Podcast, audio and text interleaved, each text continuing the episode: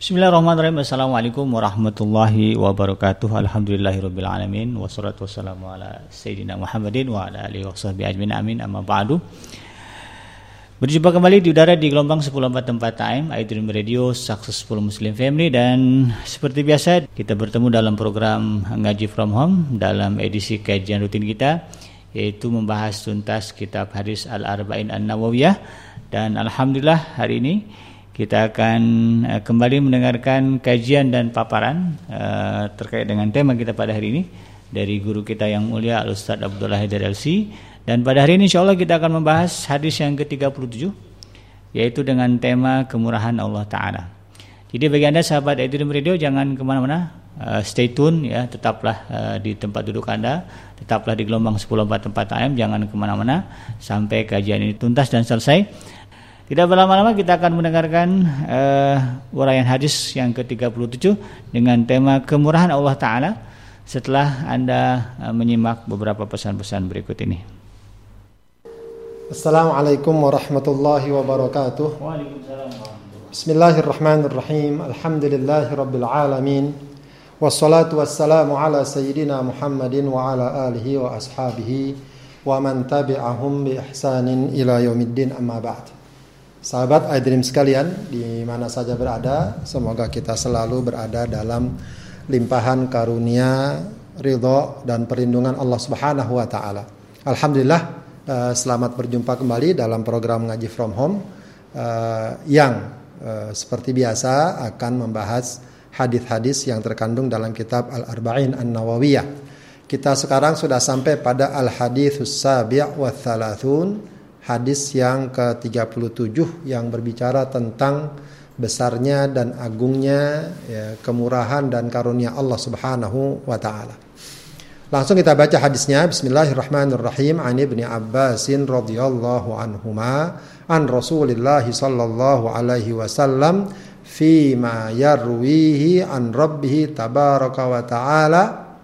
Qala ya dari Ibnu Abbas radhiyallahu anhuma dari Rasulullah sallallahu alaihi wasallam fi ma yarwihi an rabbih ya. Kalau redaksi seperti ini ya, biasanya ya, itu dikenal sebagai hadis qudsi. Artinya sebagaimana yang Allah riwayatkan dari sebagaimana yang Rasulullah riwayatkan dari dari Tuhannya tabaraka wa taala. Ya, hadis qudsi ini disebut oleh para ulama adalah hadis yang uh, maknanya dari Allah dan redaksinya dari Rasulullah Sallallahu Alaihi uh, Wasallam. Ya, di mana Allah Subhanahu Wa Taala berfirman, Innallaha katabal hasanati was sayyiat. Sungguhnya Allah telah mencatat kebaikan dan keburukan. Ya, thumma bayyana dzalik. Kemudian dia menjelaskan hal tersebut. Ya. Faman hamma bihasanatin falam ya'malha. Siapa yang ingin melakukan satu kebaikan falam ya'malha namun dia tidak melakukannya kata bahallahu indahu hasanatan kamilah. Allah catat di sisinya sebagai satu kebaikan sempurna. Wa in hamma biha fa'amilaha jika dia menghendaki atau menginginkan satu kebaikan dan kemudian dia lakukan atau dia kerjakan kata bahallahu indahu asyra hasanatin ila sab'i mi'ati di'fin ila adhafin kathirah. Ya Allah catat kebaikan tersebut ya dengan kelipatan 10 ya dengan 10 kelipatan kebaikan ya. Ila sab'i mi'ati di'fin sampai 700 kali lipat kebaikan. Ila adhafin kathirah bahkan lebih lagi. Ya, dengan kelipatan-kelipatan yang ba yang banyak. Wa in hamma bisayyatin ya, jika seseorang uh, apa namanya ingin uh, melakukan keburukan, dia berkehendak ingin melakukan satu keburukan, satu kemaksiatan, kemunkaran, dosa, falam ya'malha namun tidak dia lakukan kata bahallahu indahu hasanatan kamilah. Allah catat di sisinya sebagai sebuah kebaikan sempurna. Maksudnya orang menggagalkan, mengurungkan perbuatan keburukan yang sudah dia rencanakan. Ya, maka itu dianggap sebagai sebuah pahala karena apa? Dia mengurungkan rencana kemaksiatannya. Wa in hamma biha fa'amilaha jika dia sudah rencanakan lalu dia lakukan kata bahallahu lahu sayyi'atan wahidah. Ya, Allah catat di sisinya sayyi'atan wahidah. Satu dosa atau kesalahan saja. Rawahul Bukhari wa Muslim hadis riwayat Bukhari dan Muslim fi sahihihima fi sahihima dalam kitab sahih keduanya bihadhil huruf dengan redaksi seperti ini. Baik, uh, Imam Nawawi uh, ketika mencantumkan hadis ini juga menambahkan satu komentar ya yang ini sangat detail sebenarnya ya gambaran bagaimana beliau sangat ya mengamati satu demi satu katanya ya, kata-kata atau lafaz dalam hadis ini. Fandur ya akhi kata Imam Nawawi. Perhatikan wahai saudaraku. Ya, Waffaqanallahu wa iyyak. Semoga kita selalu mendapatkan taufik dari Allah. Ila azimi lutfillahi ta'ala. Uh, tentang agungnya karunia Allah Ta'ala. Wa hadil alfad. Ya, dia melihat mengajak kita untuk merenungkan lafaznya. Wa qawluhu indahu. Jadi ada dalam hadis kudus tadi kata-kata indahu. Isyaratan ilal i'tina biha. Menunjukkan tentang perhatian Allah yang besar. Ya. Wa qauluhu kamila litakid. Kata-kata kamilah sempurna ya. Itu untuk menguatkan wasyiddatil atina, artinya penguatan dan semakin besar lagi perhatiannya. Wa qala fis sayyi'ah allati hamma biha thumma tarakaha. Ya. Uh, ini dalam kalimat apa? Dalam hal keburukan yang dikehendaki ya, ingin dia lakukan tapi dia tinggalkan. Apa kata Allah? katabahallahu indahu hasanatan kamilah. Perhatikan. Allah catat indahu. Lihat kata-kata indahu. Ya. Di sisinya. Hasanatan kamilah. Dengan catatan kebaikan kamilah. Apa kamilah? Sempurna. Lihat fa'akkadaha kamilah kata Imam Nawawi. Allah kuatkan dengan dengan kata-kata ka kamilah, nggak cukup dengan sekedar hasanah saja. Ya. Dan juga sebelumnya kata-kata indahu. Perhatikan itu ketika apa?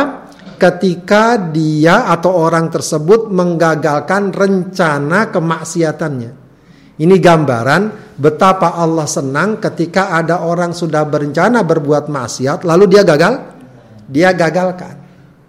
Ya, maka Allah katakan apa? Allah catat di sisinya kebaikan sempur sempurna. Nah, sekarang kebalikannya. Wa in amilaha jika rencana itu dia lakukan. Kalau tadi kan digagalkan.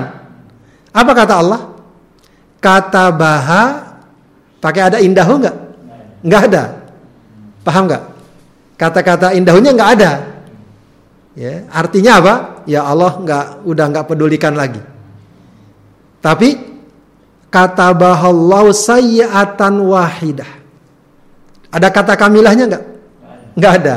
Kalau tadi hasanatan kamilah. Karena apa? Dia meninggalkan masih maksiat. Ketika masa itu dia lakukan, maka Allah katakan kata bahasa yiatan wahidah. Ya. Allah catat, ya. nggak ada kata-kata indah. Ya. Ini seakan-akan udah nggak Allah pedulikan lagi. Tapi Allah pun tidak mencatatnya dengan kamilah sayyatan wahidah. Dengan satu dosa saja. Bukan satu dosa yang sempurna. Ya. Fa'akada taklilaha. Jadi Allah ingin mengatakan sangat sedikit dosa yang Allah timpakan akibat kemaksiatan yang dilakukan yang dilakukan. Walam yu'akkidha bikamila. Allah tidak kuatkan dengan kata-kata kamilah. Falillahil hamdu wal minna subhanahu wa la nuhsi thana'an alaihi wa billahi taufik. Artinya eh, kalimat redaksi ini mengandung pemahaman Allah itu sangat sayang sama hambanya. Kalau hambanya, ya apalagi kalau melakukan kebaikan ya, mengurungkan kemaksiatan saja Allah balas ya dengan pahala sempurna. Tapi kalau maksiat tersebut dia lakukan, ya Allah balas tapi dengan sayyiatan wahidah. Ya. Memang hadis ini uh, hadis yang apa namanya menunjukkan kemurahan Allah. Ibnu Battal rahimahullah mengatakan fi hadzal hadis dalam hadis ini bayanu fadlillahil azim. Menjelaskan tentang apa? Tentang keutamaan Allah yang sangat agung ala hadhil ummah terhadap umat ini. Li'annahu kata Ibnu Battal, laula dzalika kadala yadkhulu ahadun al jannah. Ya, kalau bukan karena kemurahan Allah, nyaris tidak ada seorang pun yang bisa masuk surga. Li'anna amalal ibad lisayyiat karena amal hamba terhadap keburukan aktsara min amalim al hasanat. Lebih banyak dari amal kebaikan mereka. Maksudnya apa? Kalau seandainya perkara dalam hati itu dicatat juga. Begitu ya. Rencana-rencana keinginan berbuat masih dicatat juga. Ya, orang biasanya apa yang diucapkan ditampakkan biasa bisa bagus. Tapi dalam hati siapa yang tahu? Ya, pengen ini, pengen itu segala macam. Begitu ya. Itu ya ya kata dikatakan Ibnu Battal ya, bisa-bisa nyaris nggak ada orang yang bisa masuk surga. Begitu ya. Baik, kita coba dalami lagi hadis ini sedikit demi sedikit per kalimat per kalimat. Innallaha katabal hasanati was sayyi'at tsumma bayyana dzalik.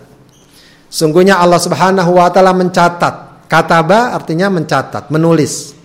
Ya, para ulama mengatakan mencatat di sini ada dua makna. Pertama artinya apa? Mencatat dalam arti menetapkan sebagai bagian dari takdir. Jadi ketika Allah mencatat, Allah jadikan itu sebagai tak takdir karena sudah kita bahas dahulu sebelumnya yang namanya takdir itu ada empat. Apa pertama? Al ilmu. Allah tak tahu. Kedua al irodah. Allah berkehendak. Ketiga apa? Al kitabah. Allah ca Allah catat. Baru al khalqu Allah ciptakan. Begitu. Dalam hadis yang kita bahas hadis keberapa ya? Keempat atau kelima? Ketika Allah mengutus malaikat ya untuk meniupkan ruh dalam janin seorang ibu, maka Allah perintahkan apa malaikat tersebut? Mencatat. Ya, mencatat bikat birizkihi wa amalihi wa ajalihi wa amali wa syakiyun au dicatat rizkinya, ajalnya, amalnya, eh, bahagia atau celaka. Artinya apa? Dicatat. Dicatat. Maka sebenarnya semua amal kita memang bagian dari takdir Allah. Asalkan jangan dipahami kalau begitu kita nggak usah ikhtiar itu lain lagi babnya. Jadi bab ikhtiar harus mencari yang baik, mencari yang uh, meninggalkan yang buruk itu pun juga merupakan perkara yang berlaku bagi kita sebagai manusia khususnya sebagai seorang muslim. Mencatat yang kedua maknanya adalah mencatat dalam arti mencatat ya, setiap amal perbuatan yang kita lakukan. Ya, setiap amal dan perbuatan yang kita lakukan itu Allah catat satu demi satu. Ya. Tidak ada yang Allah tinggal tinggalkan. Ya. Jadi setiap amal manusia yang baik maupun yang buruk dicatat oleh Allah. Tidak ada yang luput. Ya.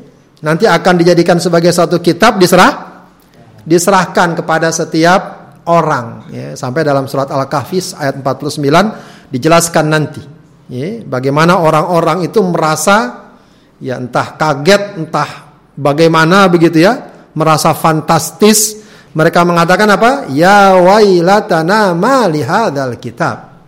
Ya celakalah kami. Ini kitab apa? Katanya la yughadiru saghiratan wala kabiratan illa ahsaha tidak ada yang kecil atau besar dari semua perbuatan yang dilakukan manusia illa ahsoha. Kecuali semua dicatat. Nah, ini satu hal yang harusnya juga mengingatkan diri kita bahwa semua perbuatan kita itu tercatat. Bisa dibayangkan di dunia saja, ya sering ya kalau kita lihat mungkin kalau di pengadilan-pengadilan biasa itu kan ada namanya BAP ya, berita apa tuh ya, acara pengaduan atau apa tuh ya berita acara peradilan begitu ya. Di mana nanti orang dijelaskan Anda pada hari ini melakukan ini, pada hari itu melakukan itu dan seterusnya tercatat. Itu saja sudah sangat menggetarkan. Apalagi nanti di akhir di akhirat. Ya, hendaknya setiap muslim selalu memperhatikan hal ini bahwa dirinya ya, perbuatannya, tindakannya itu tercatat. Bukan sekedar Allah lihat. Bukan sekedar Allah tahu, tapi Allah catat. Ya, maka uh, layak bagi kita untuk selalu merenungkan hal ini. Kemudian innallaha katabal hasanati was sayiat. Allah mencatat perkara-perkara yang baik dan perkara-perkara yang buruk. Ya, perkara-perkara yang baik tentu Rujukan dan patokannya adalah apa yang Allah nyatakan baik, yang buruk adalah apa yang Allah nyatakan buruk. Ya, perkara yang baik menurut sebagian masyarakat, sebagian manusia ternyata Allah tetapkan sebagai keburukan, tetaplah dia sebagai keburukan. Ya, perkara kebaikan yang sudah Allah nyatakan sebagai kebaikan, namun oleh sebagian masyarakat entah dianggap lumrah, entah dianggap baik, bahkan entah dianggap bagus kalau Allah nyatakan ya, uh, apa namanya uh, buruk dia buruk. Walau orang-orang menyatakan baik. Begitu ya. Nah, ini yang berarti rujukannya adalah Allah. Tentu saja berdasarkan Al-Quran dan hadis. Kemudian kita ikuti panduan-panduan dan tuntunan para ulama para ulama. Thumma bayyana dhalik. Kemudian Allah Subhanahu wa taala jelaskan lagi rinciannya. Nah ini kalau dalam teori pendidikan ini apa namanya? Pendidikan yang dimulai dari mujmal ya ya diawali dari perkara yang global lalu menjelaskan yang terperin, terperinci apa itu istilahnya induktif atau deduktif ya lah pokoknya begitulah kurang jadi dijelaskan dulu secara global ya nanti baru dijabarkan secara terperinci terperinci. Jadi teori-teori pendidikan juga Rasulullah itu banyak terapkan dalam hadis-hadisnya, kadang dengan memberikan contoh, kadang dengan uh, memberikan pertanyaan, ya, kadang dengan merangsang orang untuk mengetahui dan seterusnya dan seterusnya. Baik. Penjelasannya bagaimana? Ya. Allah jelaskan, "Faman hamma bihasanatin falam ya'malha." Siapa yang hamma yahummu. Hamma itu pengen, tapi biasanya hamma itu lebih diartikan dari segi apa namanya? Dari segi bahasa itu hadithun nafsi, keinginan hati. Ya. Atau khatirah, lintasan pikir, pikiran. Cuma yang dimaksud di sini bukan sekedar lintasan pikiran. Ya, bukan sekedar keinginan yang kadang-kadang lewat. Setiap keinginan biasa selalu aja manusia banyak lewat. Tapi Ibnu Rajab Al-Hambali dalam uh, syarah terhadap hadis ini Jamil Ulumul Hikam dia mengatakan yang dimaksud hammu di sini adalah al-azmul musammimul ladzi yujadu ma'ul hirsu 'alal amal. La mujarradul khatratil lati takhtur thumma tanfasiu min ghairi azmin wala tasmim. Yaitu uh, keinginan yang kuat yang terdapat dalam diri seseorang ya, bersamanya al-hirsu 'alal amal. Kesungguhan untuk beramal. La mujarradul khatratil lati tahtur. Bukan sekedar lintasan pikiran tadi. Kadang orang lintasan pikiran le lewat aja kan. Thumatan fasihu. Kemudian amal tersebut gagal. Tidak teru terwujud min ghairi azmin wala tasmim. Ya, bukan dianya yang pengen, tapi mungkin karena ada situasi dan kondisi yang uh, tidak memungkinkan. Begitu ya. Jadi sekali lagi bukan sekedar keingin keinginan, tapi keinginan yang sudah kuat. Ya, yang gampang lah ya. Kita udah rencana nih jam 4 habis asar mau nonton I Dream gitu ya. Ada kajian arba'in nih ya. Dari siang udah rencana niat ternyetel ah. Tel nyetel nyetel habis asar mungkin ngantuk terbahan sebentar. Bablas tidur. Ya, dia ya nggak sengaja Nah, itu berarti keinginannya sudah ada. Mau begitu. Mau. Bukan cuma sekedar pengen lalu tidak ada semacam dorongan apalagi semacam upah upaya. Ya. Falam ya'malha, namun dia tidak lakukan. Ya, jadi memang ada beberapa gambaran yang disebut para ulama. Ya, falam ya'mal hadis ini pertama boleh jadi ya, eh, betul-betul terhalang. Ya, jadi uh, apakah orang nggak boleh dia mau ke masjid nggak masjidnya dihalangi begitu ya atau dia sudah pergi untuk melakukan amal soleh ternyata mungkin entah kecelakaan atau apa ya la sama Allah nah, itu falam ya'malha ada juga falam ya'malha pilihan lain dia ingin melakukan satu ibadah. Tapi ada ibadah lain yang lebih besar. Dia pilih yang lebih besar. Paham nggak? Dia pengen umroh. Wah ternyata kesempatan haji ada. Haji aja deh saya nggak umroh. Lebih be? Lebih besar. Begitu ya lebih lebih besar. Ya dia misalnya mau uh, apa mau ya baru rencana mau wakafin tanah di sini di tempat A. Ah nggak jadi di sini deh di sana yang lebih bagus begitu. Nah itu juga termasuk dapat. Ya, jadi amal atau niat dia termasuk dah dapat karena dia nyarinya lebih lebih besar. Bahkan para ulama mengatakan, ya, nah ini meskipun lebih rendah ininya, eh, sebenarnya dia bisa tapi ya apa ya lebih tertarik yang lain. Udah datang nih jalan berangkat ke pengajian, sampai di jalan ketemu teman. Namanya ketemu teman lama, teman lama, teman lama, pengen ngobrol kan? Akhirnya kelewatan pengajiannya. Tapi niatnya sudah benar. Sudah ada belum rencananya? Ada. Itu pun kata para ulama dapat itu pahala. Cuma dia nggak dapat pahala ngaji akhirnya, gitu ya.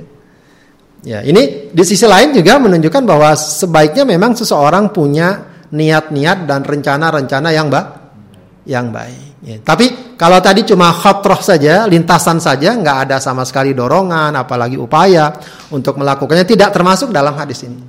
Ya, tidak termasuk dalam hadis. Ya, sering diistilahkan dengan uh, apa namanya? Uh, kita jangan cuma punya, uh, jangan cuma mau, harusnya ada kemauan. Nah itu beda.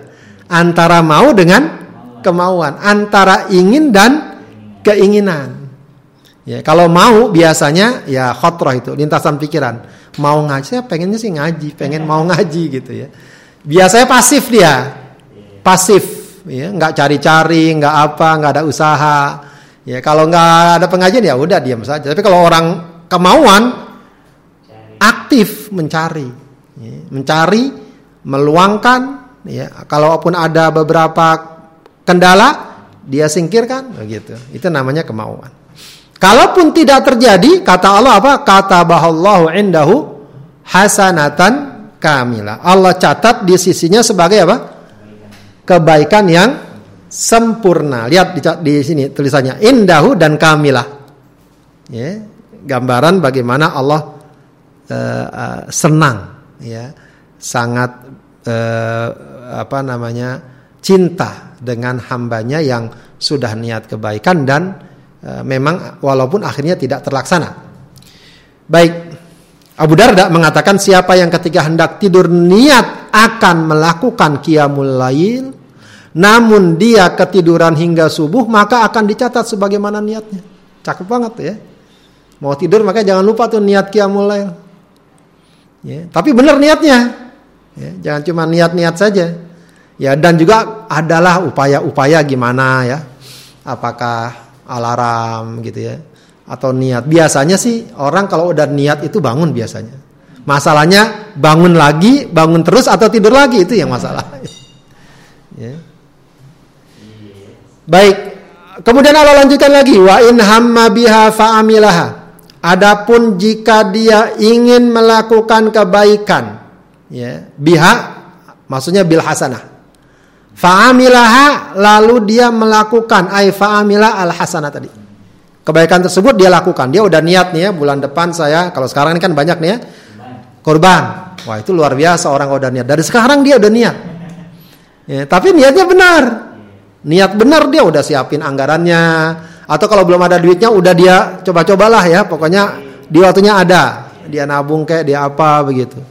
Nah, itu kemudian dilakukan pula. Wah, luar biasa. Ya.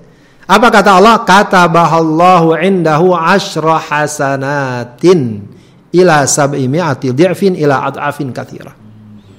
Ya. Allah catat dengan 10 kebaikan sampai 700 kali lipat sampai kelipatan yang besar. Ya. Di sini ada juga komentar Ibnu Rajab Al-Hambali dia mengatakan mati manit mata yaqtarona bin niyah qaulun aw sa'yun ta'akkadatil jaza wal tahaqqa sahibu bil amil. Kapan saja niat bersanding dengan ucapan dan usaha, maka pahala sudah dapat dipastikan. Di ketika orang udah niat, udah dapat pahalanya. Sudah dapat pahala? Pahalanya. Dan orang yang niat tadi sudah digolongkan sebagai orang yang beramal. Ya, jadi kalau ada orang niat berkurban, dia pada hakikatnya adalah orang yang berkur berkurban. Begitu ya. Orang yang berkur berkurban. Baik. Kemudian Allah katakan Allah lipat gandakan sebagai 10 kebaikan. Balasannya. Nah, ini sudah standar. Kalau satu kebaikan dapat 10 kebaikan itu stand standar. Ya. Kalau orang sekalian bilang udah SOP-nya begitu. Satu kebaikan 10 pahala. Ya, satu kebaikan 10 pahala. Maka sering orang kait-kaitkan itu. Ya seperti misalnya puasa Ramadan plus puasa 6 hari bulan Syawal sebagaimana puasa setahun. Ya. Apa uh, ininya? Itu hitungannya. Ya. kali itu. Iya, Ramadan 10 kali. 10. Jadi 300. 300 Meskipun tidak selalu identik gitu ya, tapi ya masih nyambung lah. Cocok, iya. Uh, ada kaitannya. Nah, itu memang Allah sebutkan dalam surat Al-An'am 160 manja abil hasanati falahu asyru amsalihah. Siapa yang melakukan satu kebaikan baginya sepuluh lipat kebaikan semisalnya gitu ya. Tapi memang kebalik eh, kalau kebalikannya enggak, gitu. wa man jaa bisayyati wa man jaa bisayyah yujza illa mithlaha wa hum la yudlamun. Ini nanti dibahas pada bab berikutnya atau pembahasan berikutnya. Jadi kaidah dasarnya satu kebaikan dibalas dengan sepuluh tapi di sini Rasulullah sampai 700 kali lipat. Apa batasannya? Sampai bahkan kelipatan yang ba yang banyak. Ya, dalam surat Al-Baqarah ayat 261 ya itu juga dijelaskan mathalul ladzina yunfikuna amwalahum fi sabilillah kama habbatin ambatat sab'a sanabila fi kulli sumbulatin mi'atu habba wallahu yudha'ifu liman yasha wallahu wasi'un alim. Perumpamaan orang yang menginfakkan hartanya di jalan Allah seperti orang seperti benih yang menumbuhkan tujuh tangkai setiap tangkai seratus ben, benih. Itu kan berarti tujuh ratus. Ya. tapi Allah katakan wallahu yudha'ifu liman yasha Allah melipatkan balasan liman yasha bagi siapa yang dia kehendak. Berarti ini diserahkan kehendaknya kepada Allah. Kalau tadi udah aturan dasarnya begitu. Lebih dari 10 Allah yang menilai. Apa batasan-batasan penilaiannya? Para ulama menyebutkan ya bahwa nilai sebuah amal itu di atas 10 kali lipat tadi itu bisa jadi dinilai dari mana? Pertama dari kualitas keislaman seseorang. Orang uh, kualitas Islamnya bagus, ilmunya, amalnya, keikhlasannya. Ah, itu nilai amalnya itu bisa berlipat lebih banyak daripada orang yang kualitas Islamnya ya tidak seperti dia. Paham nggak? Orang memang udah dikenal ketakwaannya, kesolehannya. Solatnya dia dengan solatnya orang yang sama atau orang lain ya dengan jenis ibadah yang sama bisa berbeda bisa berbeda.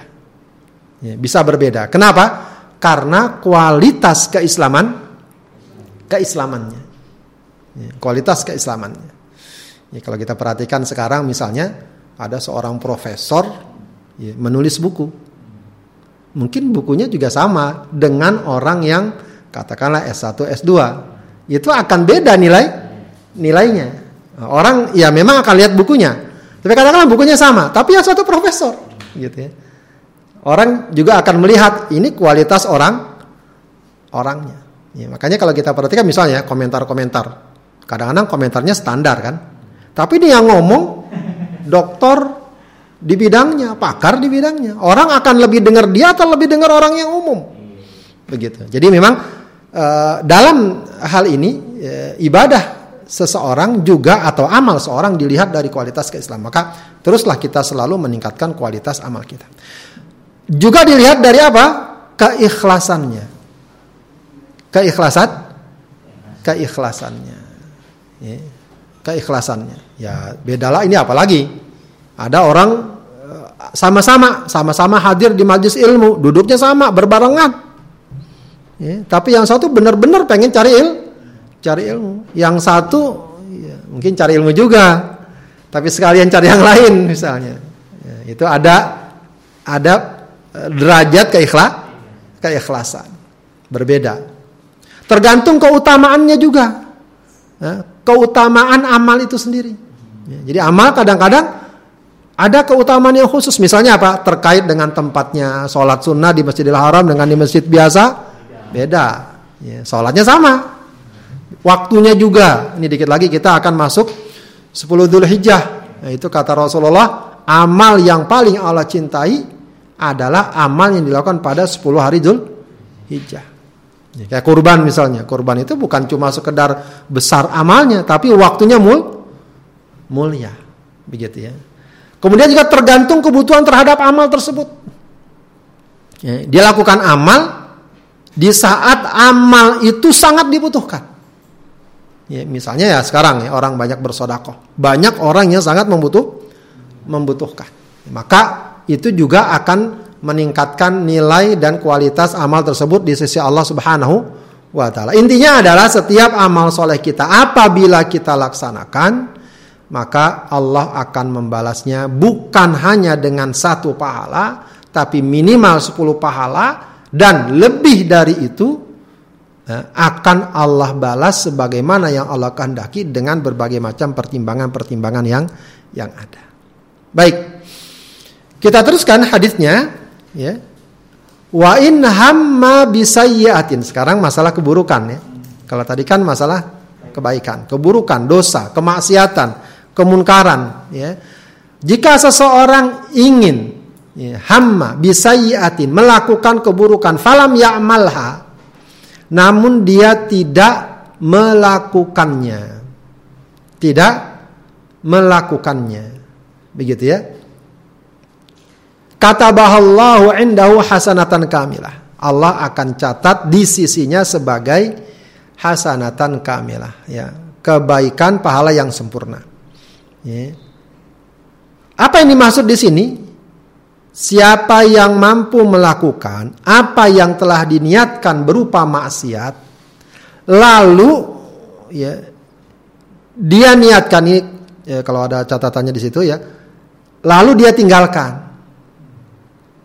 Niatnya kenapa? Karena Allah tak Allah Taala. Maka dia dapat pahala yang sempurna. Jadi ada orang niat melakukan maksiat. Ini juga sama dengan kebaikan tadi bukan cuma khatrah. Bukan cuma apa? Lintasan pikiran. Sebab kalau lintasan pikiran manusia nggak bisa menghindar. Ini uh, apa namanya niat sudah ingin melakukan.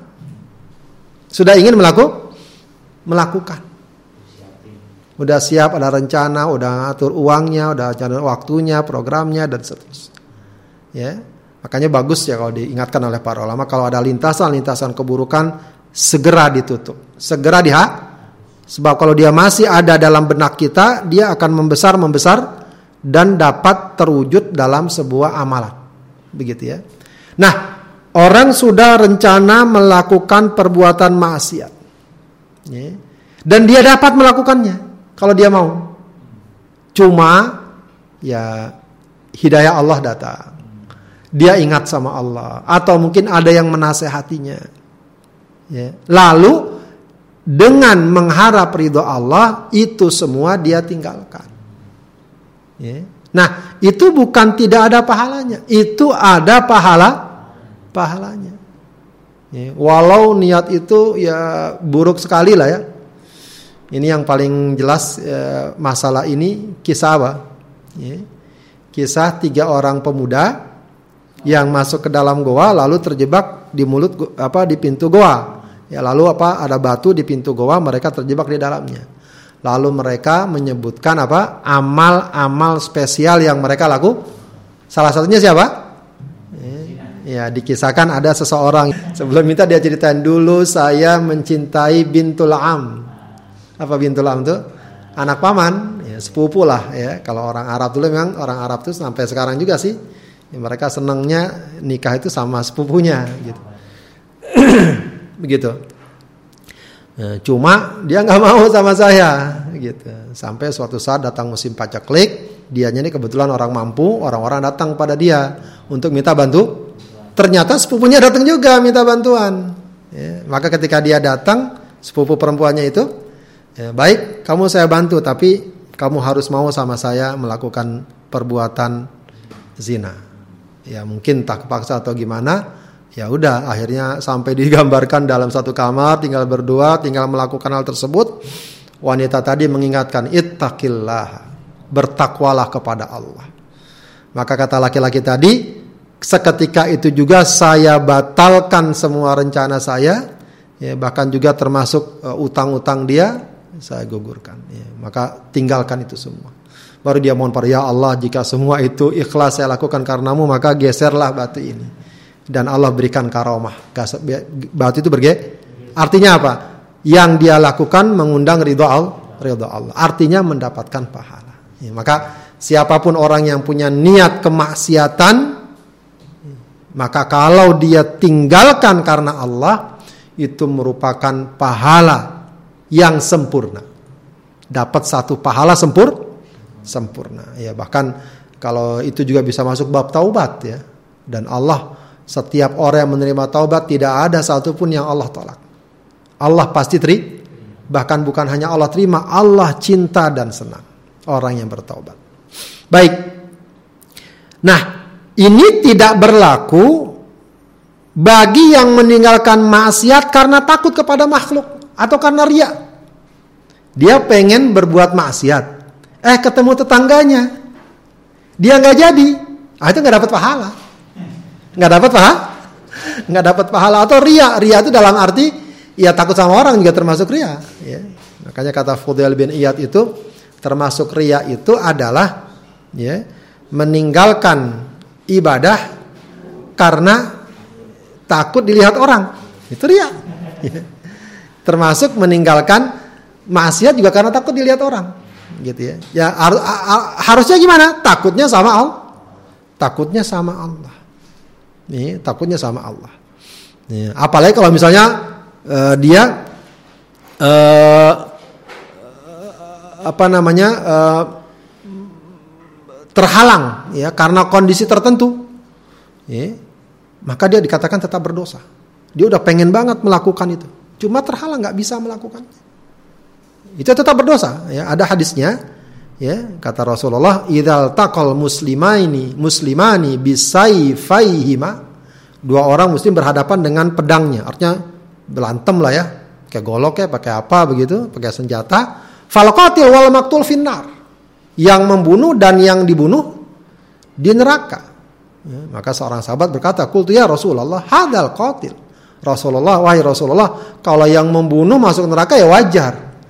Fama balul maktul lah, kenapa yang dibunuh juga masuk neraka? Qala innahu kana harison ala qatli sahibi. Ya karena dia sangat ingin membunuh saudaranya. Jadi kalau ada orang udah pengen sangat melakukan sesuatu ya istilahnya ketangkap duluan, dapat dosa dia. Tetap berdo berdosa. Ya tentu saja lain halnya kalau dia bertau bertaubat. Yang paling indah tadi ya sesungguhnya meninggalkan kemaksiatan karena takut kepada Allah pada Allah atau mencari ridho Allah Subhanahu wa taala. Ya. Ada juga ungkapan Ibnu Abbas yang cukup ya mengerikan juga ya ini sebagai gambaran Kata dia wa khaufuka minar rih idza harrakat sitra babika wa anta ala dzambi wa la yattaribu fuaduka min nadharillahi ilaika a'dhamu minadz dzambi idza amiltahu. Ketika Anda takut ada angin yang menyibak tirai pintu Anda saat Anda sedang berbuat dosa. Ya, jadi takutnya apa? Takut kalau ketahuan orang, takut kalau dilihat orang, takut kalau ntar nama saya di begitu ya. Sementara Anda tidak gentar dan takut dengan pandangan Allah. Ya, padahal Allah pasti ngelihat nggak? Pasti ngelihat nih di tempat yang paling sepi sekalipun. Itu kata Ibnu Abbas, "A'dhamu minadz-dzambi idza amilta." Sikap Anda itu lebih besar dosanya daripada perbuatan dosa itu sendiri. Sikap di mana orang tidak merasa takut dan malu dengan pandangan Allah, dengan pandangan Allah ya, dengan pandangan Allah. Ya, dan ini satu fenomena ya yang kita sendiri sebenarnya juga harus banyak-banyak muhasabah. Sering kadang-kadang ya dalam diri kita suka ada itu takut lihat orang segala macam. Nah, bagus kalau kita rubah ya takut malu sama Allah. Maka dulu kita bahas ya perkara malu. Malu sama Allah, takut dilihat Allah, takut kalau eh, ini semua akan jadi catatan kelam nanti di hari ya di hari kiamat. Nah, kebalikannya, sekedar lintasan pikiran, itu tidak tidak mengapa. Innallaha ta'ala tajawaza li ummati amma haddatsat bihi anfusa. Allah memaafkan umatku apa yang dibisikkan oleh jiwanya. Jadi kadang-kadang jiwa itu suka ngasih ya maaf ya kadang-kadang kalau kita lagi ngelihat apa gitu ngelihat orang dalam hati ada nggak komentarnya? Macam-macam lah ya. Macam-macam nih yang gini yang gitu segala macam malam tatakallam bihi tapi jangan diucapin kalau kadang-kadang kita sempat ngucapin juga kan itu repotnya au mal bi atau melakukan lagi nyetir ngelihat orang naik motor begini atau apa. Ada aja lah ya manusiawi ya. Manusiawi ya. Nah, ini makanya perkara seperti ini kemurahan Allah juga. Yang penting tahan ucapan kita ya. Dan apalagi kalau jangan sampai dilaku dilakukan. Ya, ini juga memang pernah ya uh, turun ayat Allah Subhanahu wa taala yang para sahabat sampai bersimpuh merasa tidak mampu menanggung beban atau uh, konsekuensi ayat ini. Ya. Dalam surat akhir surat Al-Baqarah apa Allah katakan? Lillahi ma fis samawati wa ma fil ard in tubdu ma fi anfusikum au tukhfuha. Apa? yuhasibukum billah. Kata Allah, kalau kalian perlihatkan apa yang ada dalam diri kalian atau kalian sembunyikan. Nah, ini yang berat. Kalau diperlihatkan diomongin tadi, dihisap, ya jelas. Tapi yang tersembunyi dalam dada kita, Allah mau hisap itu rencananya. Ya. Allah mau hi, mau hisap. Langsung para sahabat, ya Allah ya Rasulullah, kalau gini kita nggak kuat segala macam. Rasulullah ajarin kamu kalau udah itu perintah Allah sudah sami'na wa. Begitu ya. Tapi akhirnya para sahabat ya karena ikut Rasulullah ingin taat, mereka bilang apa? Sami'na wa ata'na. Maka turun ayat Allah berikutnya amanar rasulu bima unzila dan seterusnya sampai Allah katakan la yukallifullahu nafsan illa wus'aha. Allah tidak membebani satu seseorang kecuali sebatas kemampuan kemampuannya ya. Nah, maka dengan ayat tersebut Allah ingin mengatakan bahwa kalau lintasan pikiran tersebut hanya sekedar lintasan saja, tidak sampai terucap apalagi dilakukan, maka tidaklah berdo tidaklah berdosa. Ya. Tapi beda tentu saja ya dengan keyakinan. Keyakinan kan nggak tampak juga. Ya. Tapi jadi keyakinan, nah itu nggak boleh. Keyakinan buruk maksudnya. Misalnya apa? Dia yakini dalam dirinya Islam nggak benar, walau dia nggak pernah ucapkan. Ya. Itu ya itulah yang disebut dengan munafik bisa menyebabkan kekufu kekufuran. Jadi jangan kemudian kita katakan oh kalau begitu nggak apa-apa ya dalam hati kita kita kafir. Tidak. Ini kalau ini jadi keyakin keyakinan. Kalau masih lintasan pikiran selagi tidak menjadi sebuah keyakinan maka yang penting kita segera perbaiki, kita benarkan pemahaman dan keyakinan kita. Baik, kemudian bagian akhir dari hadis ini wa in hamma biha fa amilaha katabahallahu lahu sayiatan wahidah kalau dia ingin melakukan ya apa namanya keburukan faamilaha lalu dia lakukan itu keburukan kata bahallahu in kata bahallahu nggak pakai indahu ya. Ini tadi yang Imam Nawawi katakan ya. Nggak ada kata-kata indahu menunjukkan bahwa ini perkara yang Allah sudah tidak pedulikan. Kata bahallahu lahu Allah akan catat untuknya sayyatan wahidatan. Satu saja ya, dosanya. Tadi nggak disebut sayyatan kamilah sebagaimana hasanatan kamilah ketika orang meninggalkan dosa dan kemaksiat kemaksiatan. Begitu, ya. Jadi apabila seseorang ingin melakukan perbuatan maksiat dan kemudian dia lakukan, Allah catat sebagai satu kemaksiat. Beda tadi kalau kebaikan 10 kebaikan sampai berlipat sampai 700 sampai lebih. Itu kalau kebaik. Ini inilah kenapa kemudian Allah e, dikenal atau disebut sangat pemu sangat pemurah. Allah sangat pemurah bukan semata karena Allah kasih kita rezeki, materi, makanan, bukan cuma itu. Ya, Allah yang lebih dari itu sangat pemurah terkait dengan uh, amal kebajikan dengan amal maksiat Allah jelas berikan kebaikan yang sangat besar terhadap amal-amal amal-amal kebaikan kita. Begitu ya. Ini yang juga tadi lanjutan ayat tadi uh, apa namanya ketika Allah katakan manja bil hasanati falahu asyru amsalha maka kemudian Allah katakan wa man jaa bisayyi'ah siapa yang melakukan satu keburukan fala yujza illa mithlaha. Maka tidak dibalas kecuali yang serupa dengannya. Maksudnya apa? Ya serupa dengannya ya sesuai dosa itu saja. Nggak di, nggak ada kelipatan kelipatan. Wahum la yudlamun dan mereka tidak dizalimi akan tapi kata para ulama, dosa dapat membesar. Ya, jadi ini kalau dari sisi kuantitas memang nggak ada.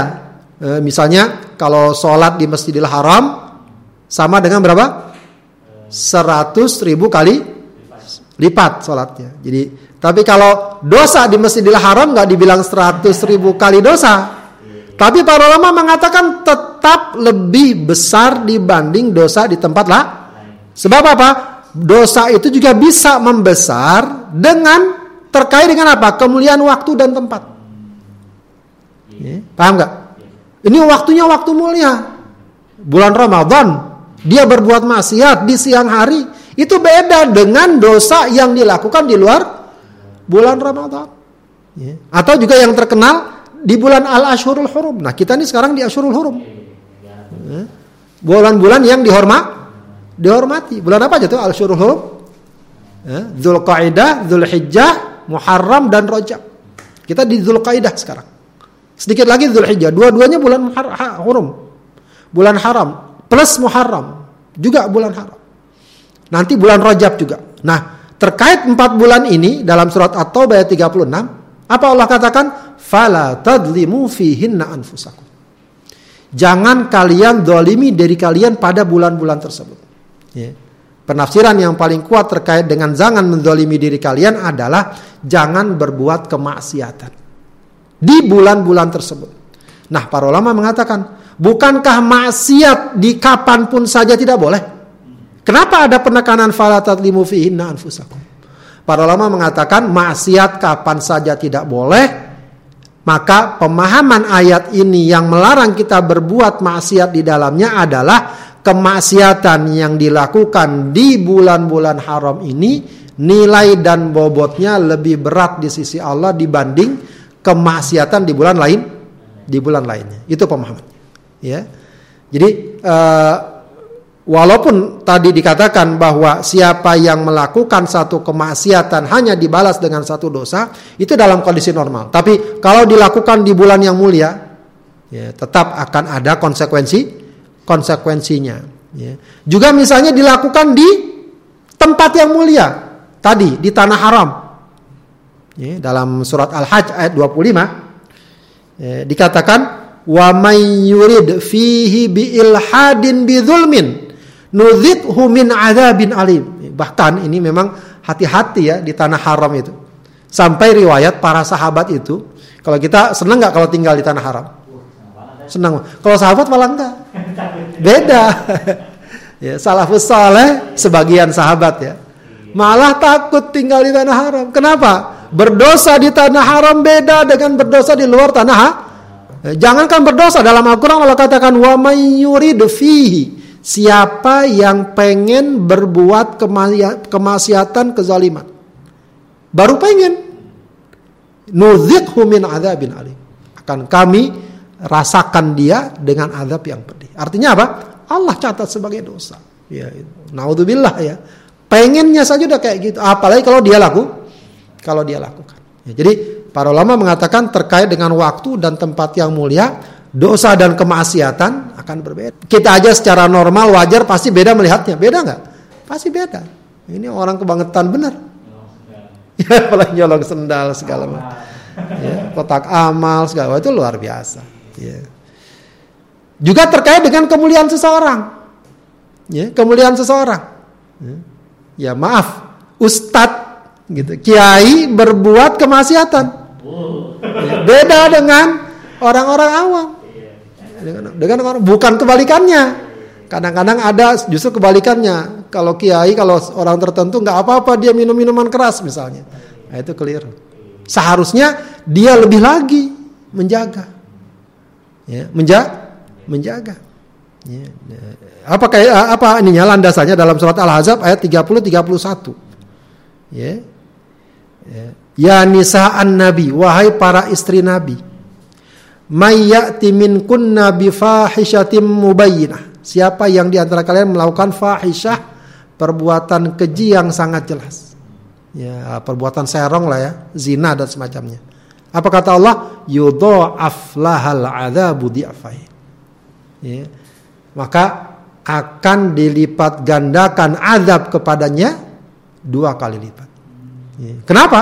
Ya jelas istri para nabi mereka dapat kemuliaan kemuliaan. Ya. Mereka dapat kemuliaan. Ya. Maka kemuliaan dalam Islam itu bukan sekedar untuk dia justru mendapatkan keistimewaan khusus ya, tidak terkena hukum. Justru dia yang seharusnya lebih taat, lebih tunduk kepada hukum, kepada hukum. Ya. Kebalikannya eh, amalan-amalan juga mestinya demikian. Dia lebih rajin, lebih komitmen, lebih kuat dalam melakukan kebaik, kebaikan. Ya. Uh, sahabat Edim yang dimuliakan Allah itu gambaran atau pemahaman kurang lebih dari hadis ini ya yang intinya adalah bahwa Allah Subhanahu wa taala memang sangat murah ya sangat mendukung amalan-amalan kebaik amalan-amalan kebaikan. Dalam hadis ini juga ada pelajaran bagaimana kita dianjurkan untuk sedapat mungkin memperbanyak rencana-rencana dan keinginan-keinginan baik. Sebab ketika keinginan sudah dihadirkan, mudah-mudahan akan semakin mudah melakukan satu perbuat perbuatan. Dan kebalikannya, ya hendaklah setiap kemaksiatan, setiap kemaksiatan itu sudah kita tinggalkan dari sejak pikiran. Ya, bukan sekedar perbuat. Jadi pikiran. Jadi kalau ada lintasan-lintasan segera ya dirapikan. Ah, ini nggak benar nih. Masa saya mikirin orang misalnya? Masa saya mikirin seseorang? Biasanya setiap perbuatan pasti didahului oleh pikiran atau tidak? Nah, pasti. Ketika ada lintasan itu segera ya, kita atasi dengan diri kita sendiri. Kita yang paling tahu apa yang menjadi lintasan pikiran pikiran kita. Begitu ya. Ini juga memberikan pelajaran bahwa ya, eh, Allah memberikan pelajaran pada kita bahwa apresiasi terhadap kebaikan harusnya lebih besar daripada sikap dalam menghadapi kesalahan. Paham nggak? Kadang-kadang kita dalam kehidupan orang buat baik udah sering banget kan? Ya, dia dianggap biasa. Giliran dia buat kesalahan, wah hilang semua kebaikannya. Ya, seharusnya apresiasi ketika menghadapi kebaikan orang itu lebih besar daripada ya sikap yang harus diambil ketika menghadapi kekeliruannya. Ya, ya ketika dia keliru, ya tetap kita anggap keliru. Allah tetap kasih dosa kepada yang keliru. Tapi eh, tidak sama dengan kebaikan yang telah dia lakukan sikapnya. Ya, ya kasih pelajaran, kasih hukum, ya, ya tapi eh, sewajarnya, sewajar sewajarnya tentu dengan harapan dia segera kembali dan segera memperbaiki di memperbaiki diri. Baik, uh, sahabat Adim yang dimuliakan Allah itu uh, sedikit penjelasan ya terkait dengan hadis ini. Mudah-mudahan bermanfaat. Assalamualaikum warahmatullahi wabarakatuh. Waalaikumsalam warahmatullahi wabarakatuh. Jazakumullah khairan atas segala uraian. Terkait dengan tema kita pada hari ini yaitu hadis yang ke-37 dengan tema kemurahan Allah taala. Jadi Ustaz sudah gambarkan dari hadis-hadis yang dari hadis tadi yang eh, kita bahas betapa Allah Subhanahu wa taala begitu menghargai segala bentuk eh, kebaikan yang dikerjakan oleh eh, umatnya melebihi daripada eh, kejahatan-kejahatan. Ini adalah sebuah bentuk kemurahan dari Allah taala. Mudah-mudahan bisa kita pahami dan bisa kita jadikan motivasi untuk senantiasa uh, mengerjakan berbagai amalan soleh ya di dalam kehidupan kita. Baik Ustaz, uh, terima kasih bagi sahabat Adim sekalian yang sudah bergabung. Dan sebelum uh, di akhirnya ada pertanyaan Ustaz sudah masuk ke meja redaksi sebagaimana yang saya janjikan tadi uh, kita akan bacakan uh, seandainya ada pertanyaan-pertanyaan yang masuk ke meja redaksi. Pertanyaan pertama Ustaz datangnya dari akun atas nama Tini Pratiwi dari uh, channel YouTube kita. Bertanya adalah bagaimana Ustaz kiat-kiatnya agar niat baik uh, kita dapat terwujud. Jadi mungkin eh, sayang juga gitu ya kalau niat baik eh, hanya sekedar niat gitu. Nah ini gimana tipsnya Zat? Biar niat itu betul-betul bisa terjadi. Misalnya kayak itu sholat tahajud udah dikasih bangun, eh enggak juga. ya, uh, ya ini juga bagian dari ikhtiar dari usaha. Yang namanya ikhtiar manusiawi. Kadang orang uh, gagal bisa jadi, kadang orang uh, nggak jadi itu bisa jadi. Yang penting uh, pertama niat itu jangan berhenti. Niat sama seperti amal ya. Sekarang niat oh masih belum sukses ya. Bangun masih kesiangan, besok niat lagi. Terus niat, terus hadir hadirkan ya, apa namanya komitmennya dikuat, dikuatkan. Dan juga termasuk juga uh, ketika niat itu sudah ada uh, bagusnya memang disegerakan. Ini kadang kita yang berat itu ya. Niat itu kalau tidak disegerakan akhirnya agak sulit. Ya, ya katakanlah masalah bangun ya. Kalau kita nggak segerakan ya, nanti biasa kan gitu kan lima menit lagi deh ya, kurang gitu kan nggak tahu bukan lima menit lima puluh menit gitu. ya sejujurnya saya juga kadang-kadang ngalami kayak gitu kan tidur lagi sebentar lagi deh biar biar pas bangun kita seger kan. Kalau sekarang kita bangun, kalau sekarang misalnya ini ya subuh jam setengah lima lewat ya, kita bangun jam empat, itu kadang, -kadang ada aja perasaan setan tuh.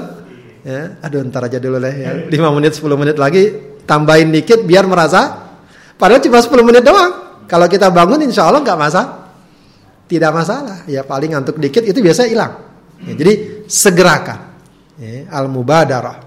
Ya, kita pengen sedekah, pengen sedekah, ya, pengen sedekah ya. Itu kalau besok besok besok bisa berkurang macam-macam urusan dan seterus dan seterusnya. Maka niat itu memang segerakan. Ya. Kalau sudah ada eh, pengen umroh segerakan. Ya, daftar dan langsung ya, coba ditunda-tunda nanti tahun depan ya jadilah pandemi ya susah ya artinya begitulah ya sering kali terjadi Ya berikutnya tentu saja langkah-langkah yang nyata ya, yang tadi kalau pengen qiyamul lail berarti usahakan sedapat mungkin istri atau suami saling mengingatkan. Nanti bangunin ya kalau saya bangun, gitu. Atau juga pakai alarm itu kan jelas kan. Ya, jadi ada perangkat-perangkat yang bisa membantu ya kita lakukan. Atau hal-hal yang sekiranya menyulitkan harus kita singkirkan. Jangan cuma niat aja. Ya, kalau pengen bangun ya berarti tidurnya harus segera. Udah tahu susah bangun ya, tidur jam 1 jam 2 gimana bangun susah ya berarti wah saya level saya ini kalau tidur jam 10 baru gampang bangun ya udah jam 10 begitu ya jangan kemudian diatur lah bagaimana caranya begitu makan termasuk makan kekenyangan itu kan, kan banyak ya, pengaruhnya ya banyak pengaruhnya eh, termasuk hal yang cukup baik ya niat itu kalau kita komunikasikan kalau kita komunikasikan. Jadi eh, perlu ada orang yang mau atau bisa menampung niat kita. Paham nggak? Gitu ya. Yang yang nggak komitmen paling nggak kalau ada orang tahu nah. ya, apa mau kita dia akan ingetin kita. Saya pengen saya pengen selesai ini kuliah tahun ini. Ya, itu bagusnya dikasih tahu orang-orang yang kita kenal baik. Ntar dia akan negur kita, ente kan udah ngomong mau selesai kuliah, masa main terus begitu kan? Ente kan udah ngomong tahun ini mau nikah mana kan? Itu paling nggak ada orang yang ngingetin atau bahkan orang mau bantu. Oh iya si Fulan tahu saya tahu pengen nikah. Maka ketika ada info-info tertentu dikasih ke dia kan. Kalau dia nggak ngomong gimana orang tahu? Ya, jadi perlu nggak apa-apa disampaikan saya pengen ini. Asal tapi itu nggak masuk ria. Oh enggak, enggak. Ya itu masalah hati kan ria kan. Kita sampaikan saja. Ya, saya pengen hafal Quran gini, nggak apa-apa. Biar orang tahu. Ya, sebab ketika orang tahu itu dia akan orang juga akan bersikap sesuai dengan apa yang mereka tahu tentang kita. Baik dalam hal permakluman, oh saya maklum lah kalau dia nggak nggak terlalu aktif di sini. Kenapa? Karena dia udah nyampein gini-gini rencananya. Ya. Artinya akan menyesuai, menyesuaikan, akan menyesuaikan. Ya, pakai jilbab misalnya janji sama suami ya banyak lah kayak, kayak gitu artinya orang akan menyesuaikan ini ibarat di jalanan nah. ada mobil rame wing wing wing ambulan kan? Iya. Tahu nggak orang? Tahu, ya, Karena tahu orang akan ber bersikap. Hmm. Tapi kadang-kadang ada bunyi wing wing wing mobil ambulan bukan atau kita kan nggak jelas ya, karena nggak tahu ya udahlah masa bodoh begitu. Iya, iya. Wallahu a'lam. jadi penting ya bagi kita tadi itu yang yang saya nggak uh, yang selama ini nggak kepikiran ngasih tahu ke orang gitu ya. Jadi bagi anda itu terutama yang sudah punya niatan baik-baik yang mau hijrah mau apa, ya bicaralah ya dengan orang sekitar. Insya Allah tahun depan saya mau pakai hijab nih. Gitu ya. Jadi nanti orang kalau itu jangan tahun depan. Kelamaan. Belum mati. Gitu ya. Baik, uh, masih ada pertanyaan saat ini dari uh, pertanyaan berikutnya dari akun atas nama Ibu Ina. Ustaz. Assalamualaikum Ustaz. Kadang di pikiran atau di hati terlintas pikiran yang tidak baik entah itu dari diri kita sendiri atau bisikan uh, atau hasutan setan. Nah, bagaimana menyikapinya? Kemudian afwan juga Ustaz ya.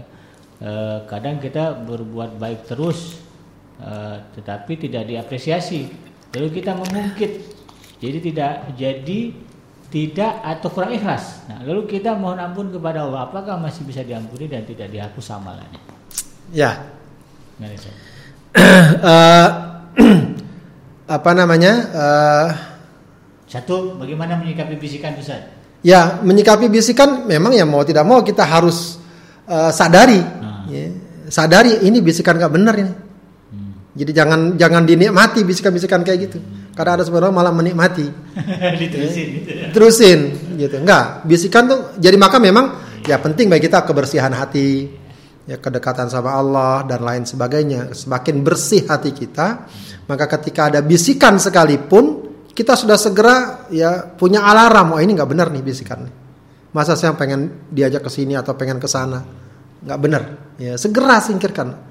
Meskipun kadang mungkin datang lagi, segera lagi. Ya banyak istighfar kepada Allah, mohon kepada Allah, dijauhkan dari pikiran-pikiran yang tidak ben, tidak benar. Dan selebihnya ya bagus kalau kita sibukkan diri kita dengan agenda-agenda kebaikan.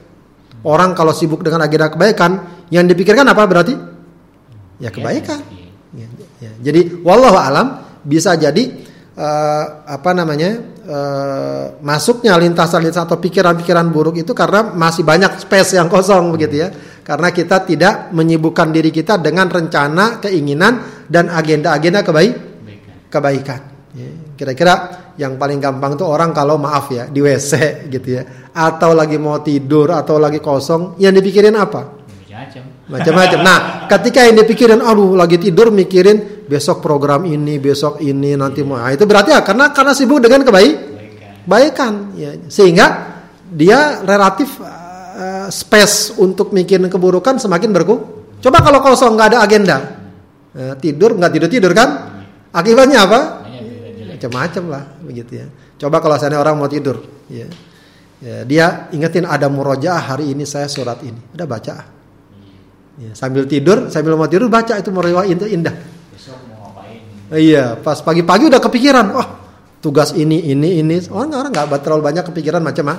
Meskipun memang harus kita akui manusiawi orang pikiran tuh ada za, sangat liar dia pikiran memang. Maka minimal kita sibukkan. Dan kalau ada pikiran kayak gitu segera singkir istighfar pada Allah mohon pada Allah dan seterusnya kalau bisa yang uh, mengungkit amalan sehingga terus baik. Ya ini kan kita, tadi kita berbicara dari sisi apresiasi dari pihak ya.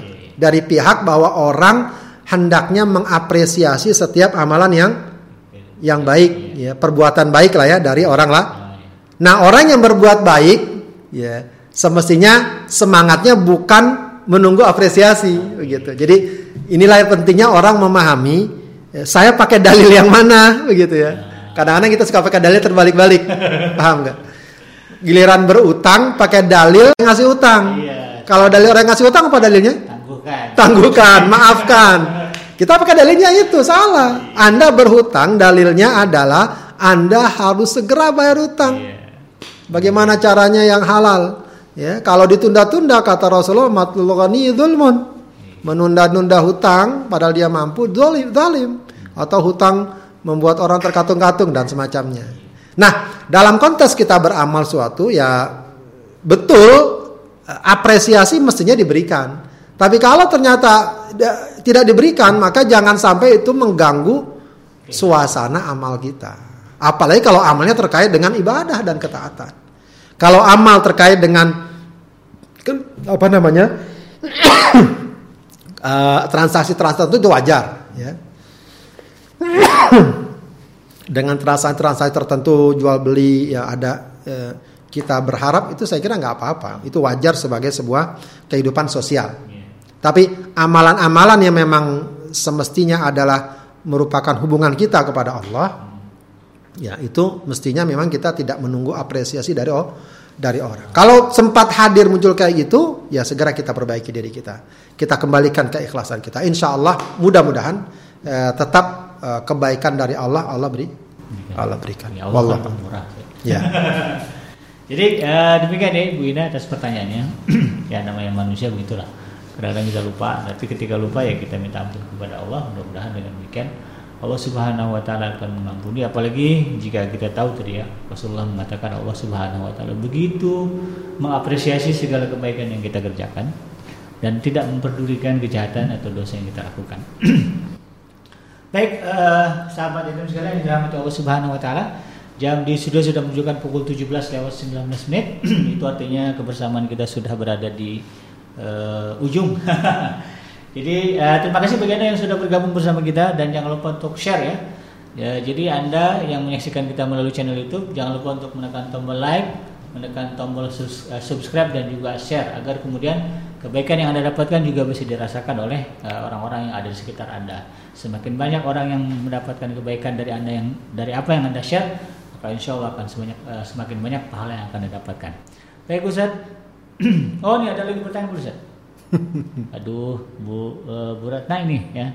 Ustaz kalau niat baik ditanggapi tidak baik boleh uh, oleh orang yang oleh orang yang minta kalau niat berbuat baik ditanggapi tidak baik oleh orang yang kita maksud bagaimana kita berbuat baik tapi kemudian nggak ditanggapi sama tuh orang Nah itu kira-kira gimana? Diterusin nggak? ya tergantung kalau memang ya kita bisa mau bantu dia dia nggak mau iya. ya sudah nggak usah itu ya. insya Allah pahala dapat pahala dapat ya, ya. Nah, itu pahala dapat selagi iya. kita ini ya, artinya eh, udah ya kita rapikan hati kita sudah kita udah niat bantu ya sudah. Dia misalnya nggak nggak mau nggak sudi nggak apa atau merespon negatif atau apa ya kita yeah. penting kita ikhlas segala macam. Insya Allah. Dan jalan kebaikan banyak kan? Yeah. kalau dia kita nggak bantu dia bisa bantu orang misalnya. Ya baik Bu Buranda ya. Dua-dua saya bacakan juga tuh. Kemudian uh, bisa dipahami baik Ustaz sebelum kita tutup silakan uh, uh, kalam terakhir atau closing statement terkait dengan tema kita pada hari ini baik uh, sahabat Adim yang dimuliakan Allah Subhanahu Wa Taala uh, intinya memang sesungguhnya Allah Subhanahu wa taala sangat membuka bagi kita eh, motivasi, dorongan ya, inspirasi untuk selalu ya, menghidupkan nilai-nilai kebaikan. Ya, dan jangan kita merasa uh, putus asa dari rahmat Allah kalaupun mungkin ya, kita sempat tergelincir atau terjerumus dalam keburu keburukan. Ya, sebab antara kebaikan dan keburukan itu sangat jauh di sisi Allah perbandingannya. Ya, kebaikan bisa berlipat sampai 700 kali lipat lebih sementara keburukan cukup hanya dibalas dengan satu do satu dosa. Maka jangan sekali-kali kita uh, mau ya, diajak uh, oleh setan untuk terjerumus dalam keburu dalam keburukan. Wallahu a'lam. Baik sahabat dan sekalian yang dirahmati Allah Subhanahu wa taala, tuntas sudah kebersamaan kita dalam program rutin kita Ngaji From Home edisi eh, kajian kitab hadis Al Arabin An Nawawiyah. Mudah-mudahan Allah Subhanahu wa taala melimpahkan kebaikan kepada kita semuanya. Dan kita doakan semoga guru kita Ustaz Abdullah Darsi sehat selalu, dimudahkan urusannya dan dilimpahkan eh, rezekinya ya. Amin ya rabbal alamin. Dan sebagai penutup saya Abi Kenji beserta kru yang bertugas mohon maaf atas segala kekurangan dan subhanaka Allahumma rabbana wa bihamdika asyhadu an la ilaha illa anta astaghfiruka wa atubu ilaik. Alhamdulillahirabbil alamin wabillahi taufiq walhidayah. Assalamualaikum warahmatullahi wabarakatuh.